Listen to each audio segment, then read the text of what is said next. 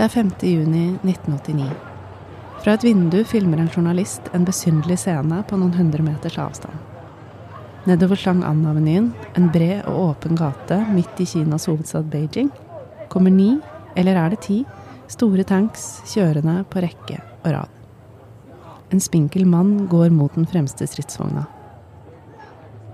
Han har svart hår og har på seg en mørk bukse og hvit skjorte. I hendene bærer han to handleposer, som om han kommer rett fra butikken. Han stiller seg foran den ene tanksen, som stopper opp. Mannen vifter med den ene handleposen, som for å si ha dere vekk. Tanksen prøver å kjøre rundt han, men han flytter seg og stiller seg i veien igjen.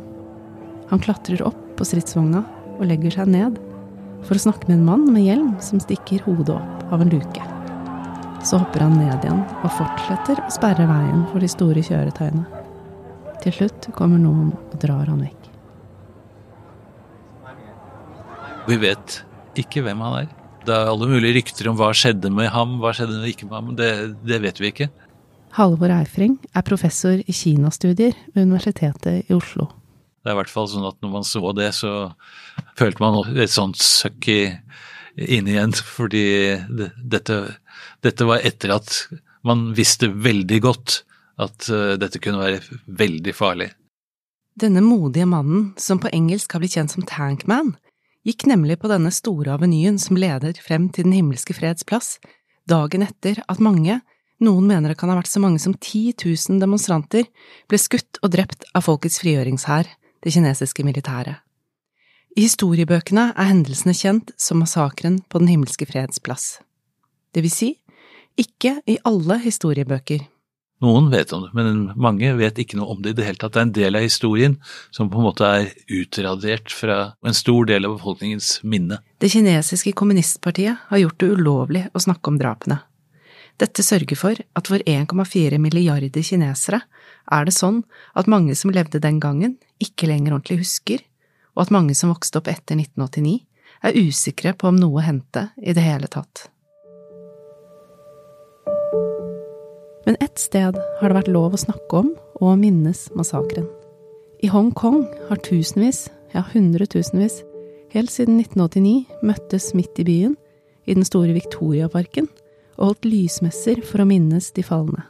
Og på universitetet i Hongkong har en massiv, åtte meter høy statue med 50 skulpturer av fortvilede ansikter og påskriften The old cannot kill the young forever daglig minnet studentene der om volden som rammet en tidligere generasjon av engasjerte unge. Inntil helt nylig. Nå skal du høre om veien frem til i dag, hvor man ikke kan snakke om det som skjedde 4. juni 1989 på Den himmelske freds plass i verken Hongkong eller i fastlandskina. Du skal også få høre om hva som har skjedd med den store statuen Pillar of Shame, og hvorfor en slik statue har funnet veien til Norge og Oslo. Du hører på Historien om Den himmelske freds plass, en podkast fra Universitetet i Oslos Universitetsplassen. Og dette er den første av to episoder, Massakren som aldri fant sted. Jeg heter Mari Lilleslotten.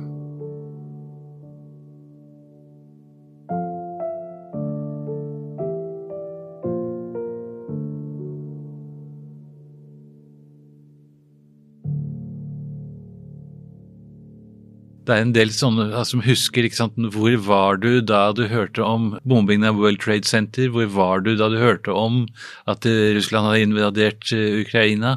Altså det, er, det er sånne ting man ofte husker, og jeg husker veldig godt hvor jeg var da jeg hørte at nå skyter de på studentene, eller nå skyter de på demonstrantene.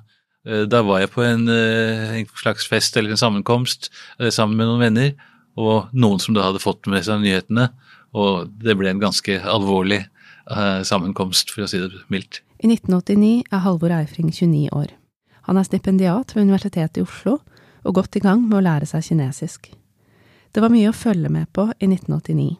Berlinmuren skal snart falle, og kommunistregimene i østblokkland som Polen, Ungarn og Romania skal gi tapt for demokrati og selvstendighet fra Sovjetunionen. Halvor hadde lenge fulgt med på hvordan studenter i det kommunistiske Kina demonstrerte, for mer demokrati og mindre korrupsjon. Nei, jeg husker mest følelsen av at det liksom går ned et sånt støkk gjennom en, og det at man skyter med skarpt på det som er deres egne, sine egne. Det tror jeg på en måte også var det som sjokkerte mange i Kina den gangen. Og det som jeg tenker i ettertid, er at vi hadde jo mange tegn på at noe sånt ville kunne skje. I 1989 er Kina inne i en brytningstid.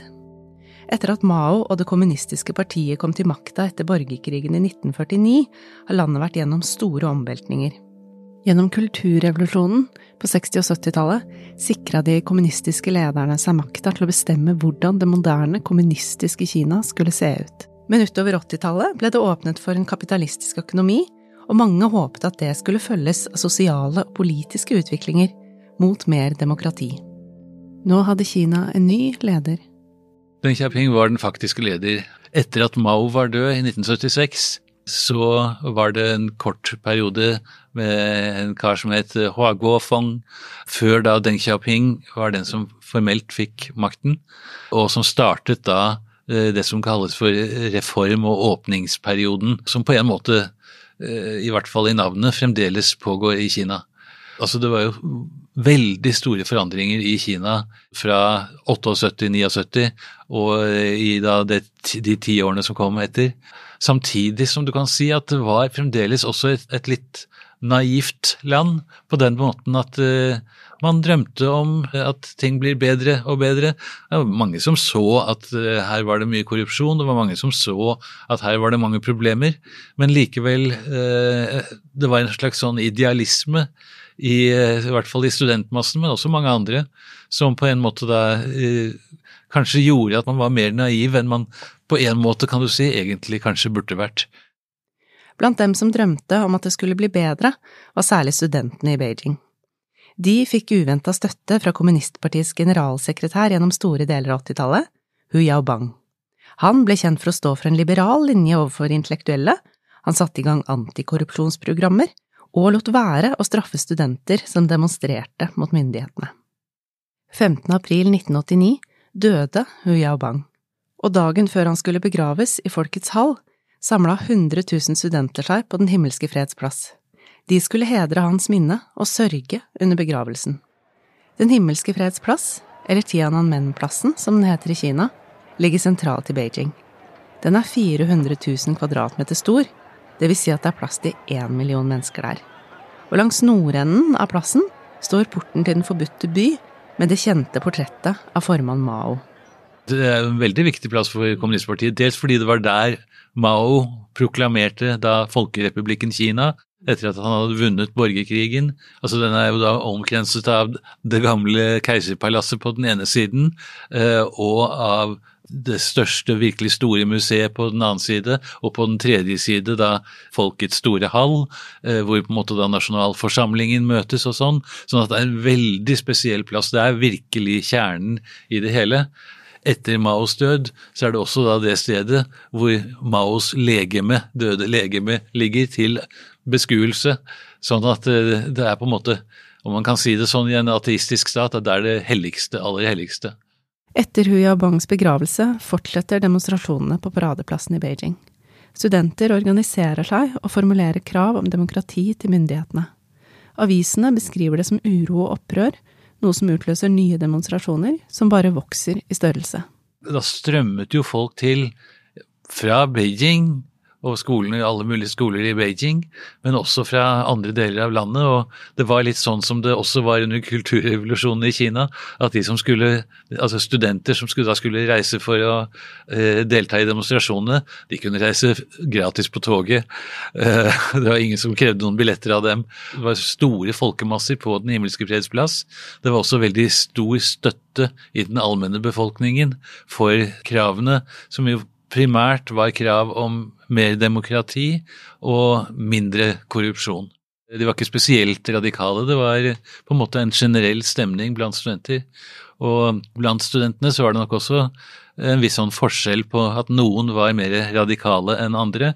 Eh, noen var egentlig veldig sindige og var interessert i å forsøke å få til en eller annen form for kompromiss, mens andre var mer da på å kjøre den harde linjen. I Norge fulgte Halvor jevnlig oppdateringer fra demonstrasjonene. I ettertid har han sett en rekke bilder og videoklipp fra Den himmelske freds plass. Og du merker det er helt Det er veldig livlig det ble jo altså En ting er jo at folk i en sånn festivalstemning som det da kanskje var ganske lenge. altså Det blir dannet par og bånd og alle mulige sånn, og noen giftet seg jo på plassen og, og sånne ting. Sånn at det var, det var, helt sikkert veldig god stemning. og Jeg husker jeg leste av en, en kinesisk venn her som viste meg fra Folkets Dagblad, som er liksom da kommunistpartiets talerør. Eh, en sånn litt sånn eh, ironisk beskrivelse av liksom da unge som da er der, og som drikker litt, og som går hit og dit, og som eh, flørter litt. og altså, det, Man kunne godt beskrive det på den måten også. Men det var samtidig som det var en veldig alvorlig sak, og det var en alvorlig ting det sto. Sånn at det, det er begge deler på en gang. 15. mai skal Kina ta imot Sovjets leder Mikhail Gorbatsjov. I dagene før har rundt 3000 studenter starta en sultestreik, og forsøk på forhandlinger mellom representanter for myndighetene og studentene har brutt sammen. Her er Dagsnytt. Den sovjetiske partisjefen Mikhail Gorbatsjov kom i formiddag til Peking på det første offisielle toppmøtet med kinesiske ledere på 30 år.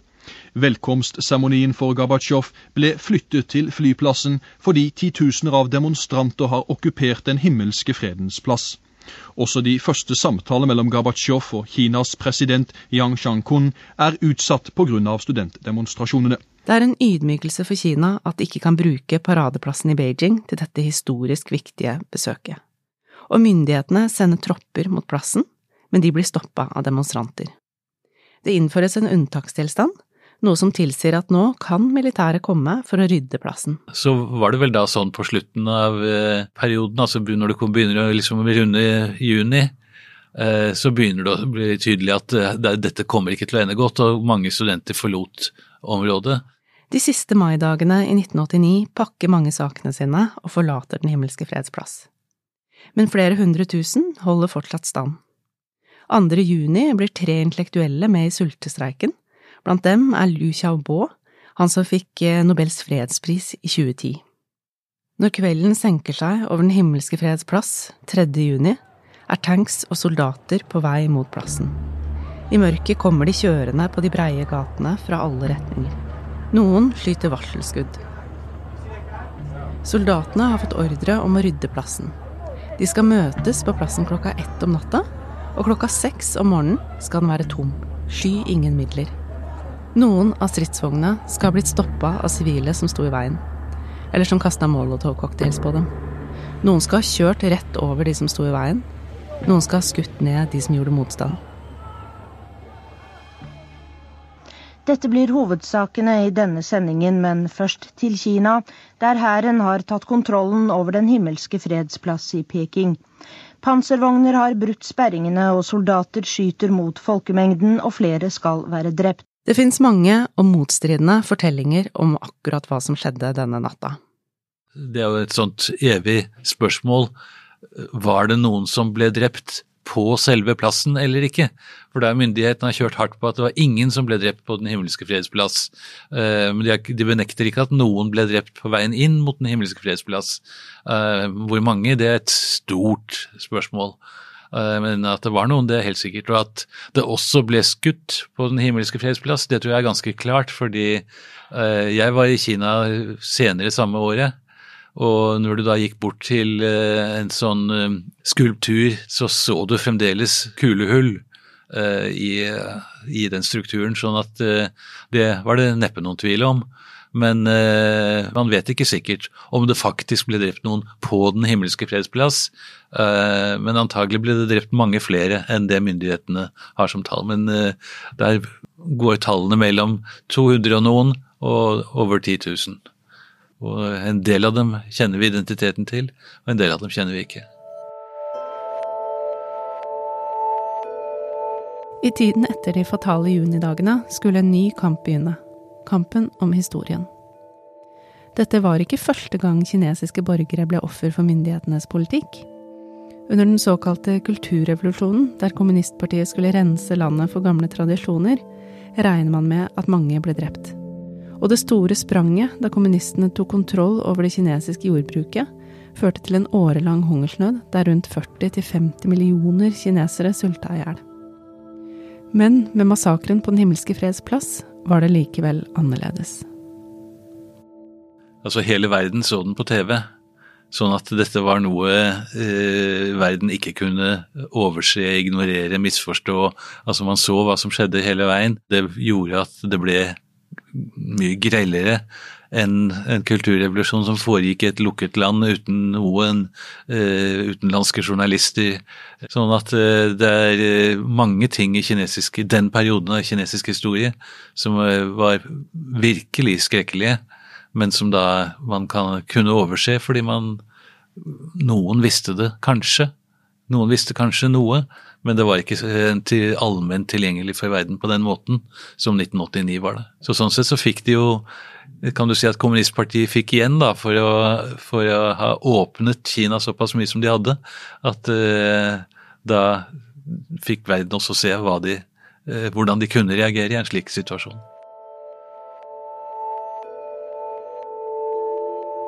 «200 mil sør for Beijing, i Hongkong, som på det tidspunktet ikke tilhørte Kina, men Storbritannia, fulgte folk også med på de brutale bildene på TV-skjermen. I was quite young at that time. Um, I was A um, at that time, so just joined the uh, junior high school. And uh, um, so my memories about that incident was quite vague and ambiguous. So only have several scenes which was impressed in my mind um, since then. Linda Wong er i dag 45 år gammel. Hun er født i fastlandskina, men har vokst opp i Hongkong. Hun vet godt hva som skjedde på Den himmelske freds plass, men fra selve dagen sitter kun bilder og følelser igjen. So it's like bits and pieces. One of the scenes is I remember um, it was the very first time I witnessed my parents cried, you know, um, tears coming down from uh, uh, from the cheeks, and uh, while they were watching TV news, late in the evening. Uh, it had never happened before. um, my parents are, are, are, illiterate, so they are not the educated class. They are just very uh, grassroots working class. Uh, so it was the very first time, and, and I start to question what happened, what made them cry, even though just watching TV news. Det var vanskelig å forstå hva som kunne få foreldrene til å gråte, noe Linda aldri hadde sett før. And then the next thing I remember is uh, I was um, taken to join a rally. Lindas søsken tok henne med ut i gata og mot byens midtpunkt i sånne situasjoner, Victoriaparken. It was already a, a rally having over a million of people, uh, Hong Kong people, uh, marching on the street very peacefully.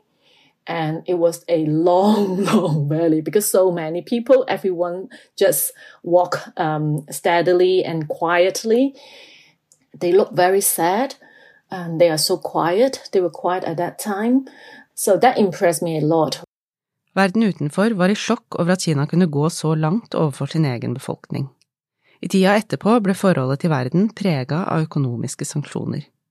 Massakren 4. juni brøt jo med ideen om at Kina skulle bli mer som andre kapitalistiske stater, med mer demokrati. Også i Norge hadde man trodd annerledes om Kina.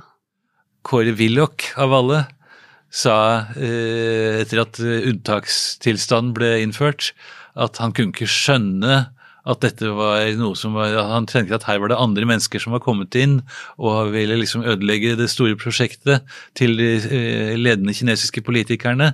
Fordi han hadde jo hilst på dem, håndhilst på dem og snakket med dem, og var, de hadde jo demokratiske verdier, sånn som vi. Og det sier vel noe om at eh, Kåre Willochs ikke var noe spesielt naiv politiker, at uh, han på en måte hadde latt seg hva skal jeg si, sjarmere inn i en tro på at Eh, de sier det de tenker, de sier det de mener. Men det er mye som ikke sies i Kina. Og at kommunistpartiet satte inn hæren for å skyte ned egne borgere, det skulle ikke bli noe man gikk rundt og sa til hverandre i Kina. Men hvorfor kunne man egentlig ikke det? Korte svar er kommunistpartiet gjør ikke noen feil. Kohn Wellens er også kinaforsker ved Universitetet i Oslo. Du skal høre mer fra han når vi i episode to skal snakke om Hongkongs rolle i den kinesiske historien. Men han forklarer hvorfor det er så viktig for Kinas ledere å legge lokk på 1989. Det var veldig mye støtte i befolkningen for, for disse unge at, at, det her det burde man ikke ha gjort, den måten man har slått ned på. Uh, så det har på noen tidspunkt også vært krav blant noen, og at man skulle ha en revurdering, hvordan det ble uh, tolket offisielt.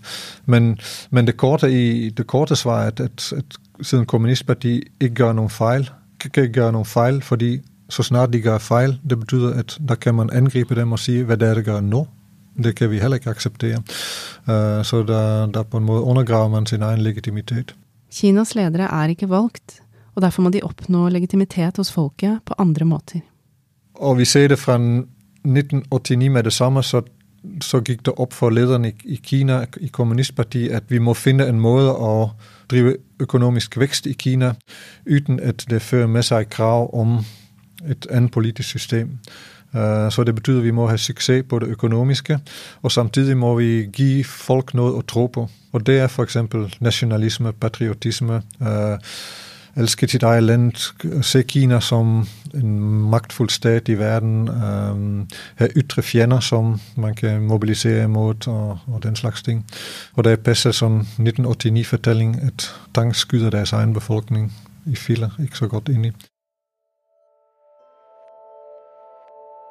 Derfor skulle det som var en demokratibevegelse med stor støtte i det kinesiske folket, snart gå i glemmeboka. Men ikke utenfor Kinas grenser. For over hele verden markerte folk solidaritet og støtte til ofrene på Den himmelske freds plass. I Norge demonstrerte mange utenfor den kinesiske ambassaden, og i årene fremover ble minnet holdt levende. Altså etter at dette var over eh, 1990, så kommer da Chai Ling, som var en av disse studentlederne som da var med til siste slutt og som da eh, klarte å rømme ut av Kina. Hun var da på norgesbesøk i 1990.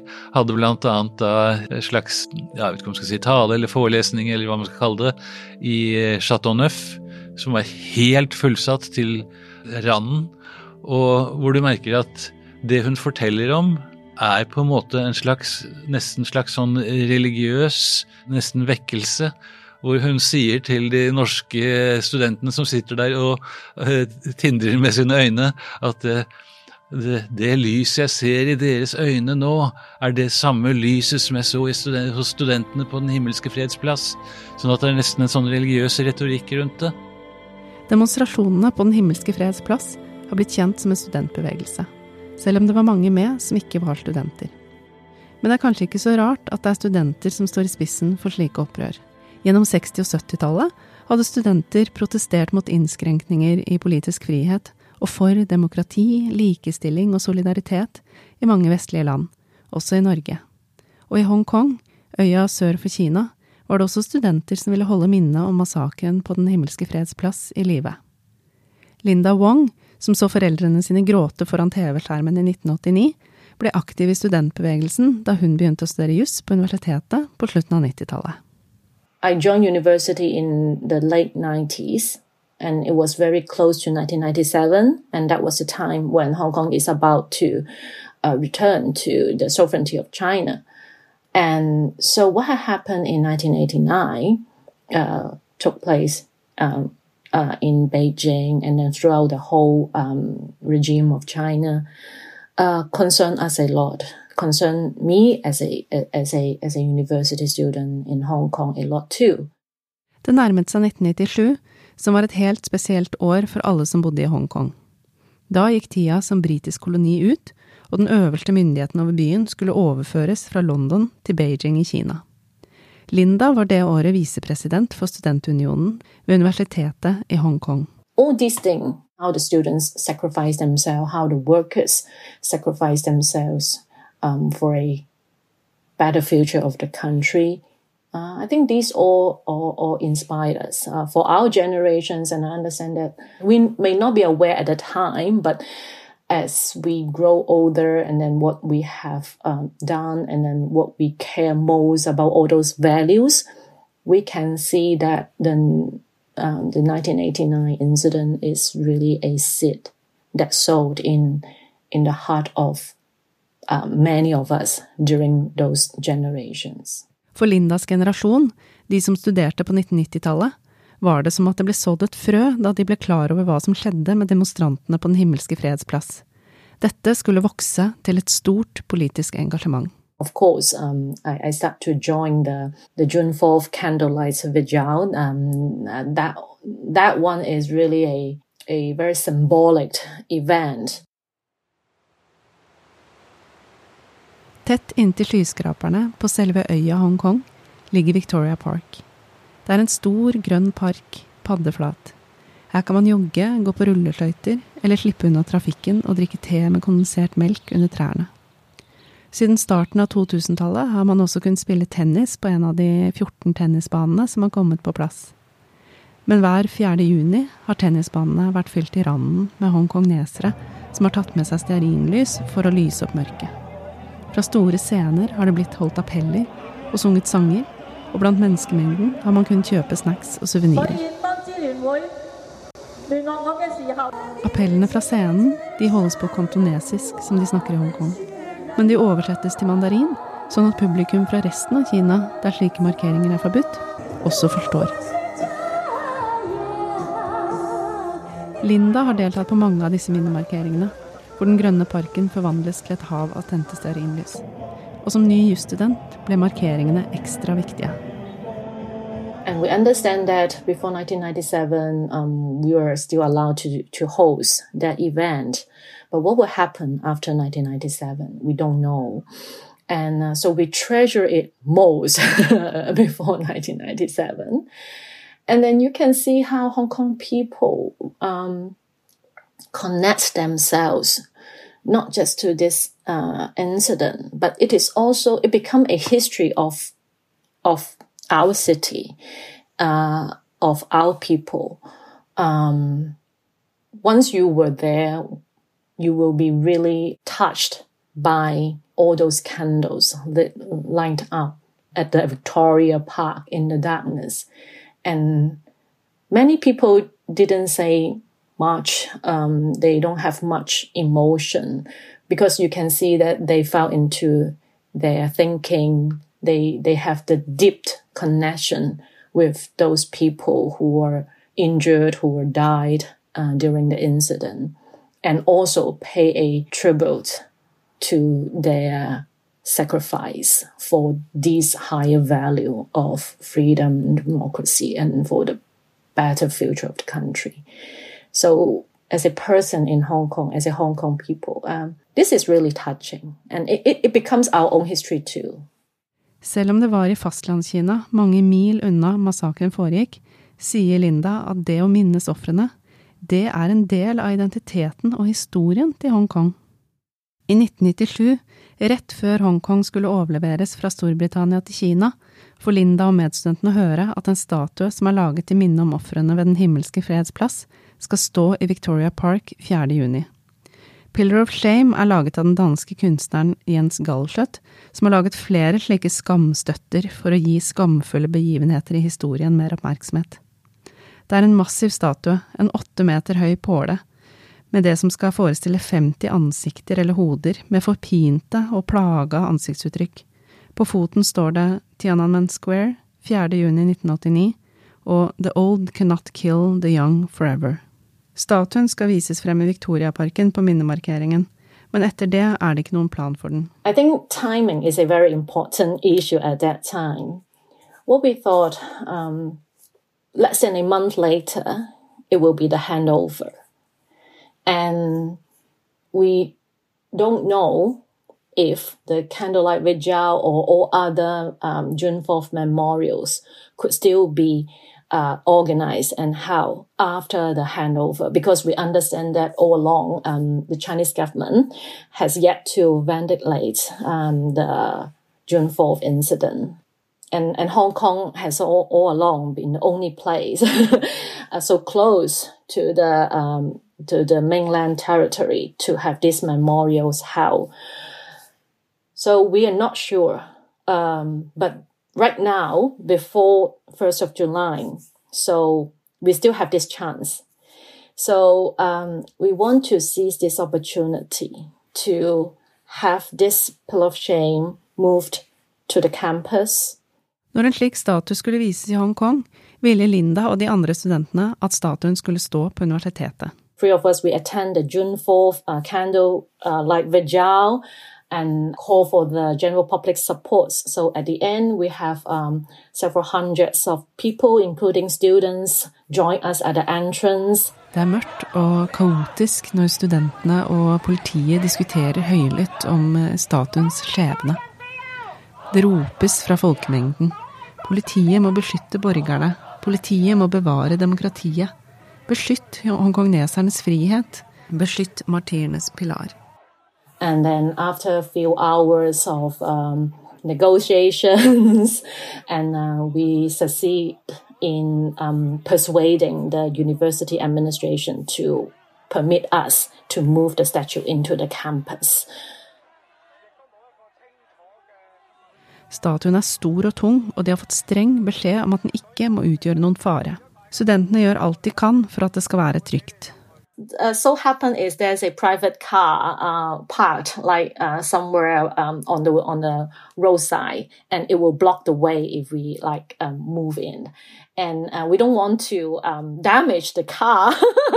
so so at the end, uh, and then we, we we don't know who who owns the car. So at the end, and some people say, "How? Why don't we just gather the people and then lift it up and then move it to one side?" And at the end, it happens, and the car is in good intact, no, not damaged. Uh, we just move it a bit to one side. So it, it- this little sense is quite uh, impressive. I fellesskap har studentene og frivillige fått statuen på plass på universitetet. Det var en seier for Linda og Studentunionen, som ble enda sikrere i sin sak da de avholdt et valg om hvorvidt studentene ville ha den på campus permanent. Fra og med 1998 har den ruvet på et podium og vært en del av hverdagen til studentene. Og sentral i minnemarkeringer på datoen for massakren. Um, and then every year in uh, when it close to June 4th, uh, the Hong Kong Alliance would come there to have this silent tribute, and then they would repaint the, the, the statue. It is like a uh, torch relayed um, to to tell the younger generation to pass the the flame um, about this uh, incident, and then to let the gen- younger generation know more about what had happened back in those years, especially those younger one who who was not who was not even born in 1989. It became the only only place um, uh, in in China that you are able to hold this uh, memorial event to remember what had happened in 1989. Slik er det ikke lenger. Hongkong har vært et unikt sted i kinesisk sammenheng. Men de siste to tiårene har Kinas myndigheter begynt å bestemme mer og mer i Hongkong. Da vil de selvfølgelig ikke at Hongkong-kineserne skal snakke om 1989. Nei, På en måte kan du si at det var forutsigbart, i den forstand at eh, det er klart at eh, når eh, Kina går såpass aktivt inn i Hongkong og på en måte legger sine føringer, så er det for et universitet å ha en protestskulptur eh, mot det som skjedde da i, på Den himmelske freds plass i 1989. Eh, det ville være uholdbart for det universitetet.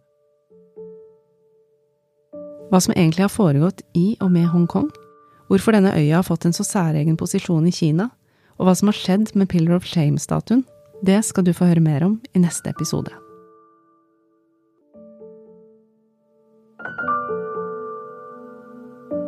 Du har hørt den første av to episoder av podkastserien Historien om Den himmelske freds plass, som du hører i Universitetet i Oslo sin podkast Universitetsplassen. Du har hørt Halvor Eifring, professor i Kinastudier, og Kohn Wellens, førsteamanuensis i Kinastudier. De er del av et større fagmiljø innenfor kinastudier, som forsker og underviser om Kinas kultur, politikk, språk og internasjonale forbindelser her på universitetet. Du har også hørt Linda Wong, som på slutten av 90-tallet var visepresident for Studentunionen ved Universitetet i Hongkong. I dag er hun advokat og jobber med menneskerettigheter i England. Du har hørt klipp fra YouTube-kanalene til CNN, BBC og Hongkong-universitetets studentunions Campus TV, og fra NRK Dagsnytt og Dagsrevyen fra Nasjonalbibliotekets arkiv. Musikken er fra Epidemic Sound. Takk til Heidi Østbø Haugen for viktige faglige bidrag og hjelp med research. I tillegg til intervjuer og researchsamtaler med forskere ved UiO, er det du har hørt også basert på boka Vigil, Hong Kong on the Brink av historiker Jeffrey Wasselstrom og The People's Republic of Amnesia av Louisa Lim. Sindre Leganger fra Svarttrost Produksjoner har vært konsulent. Og neste episode, som handler om kampen om Hongkongs frihet, finner du i podkastspilleren din allerede nå.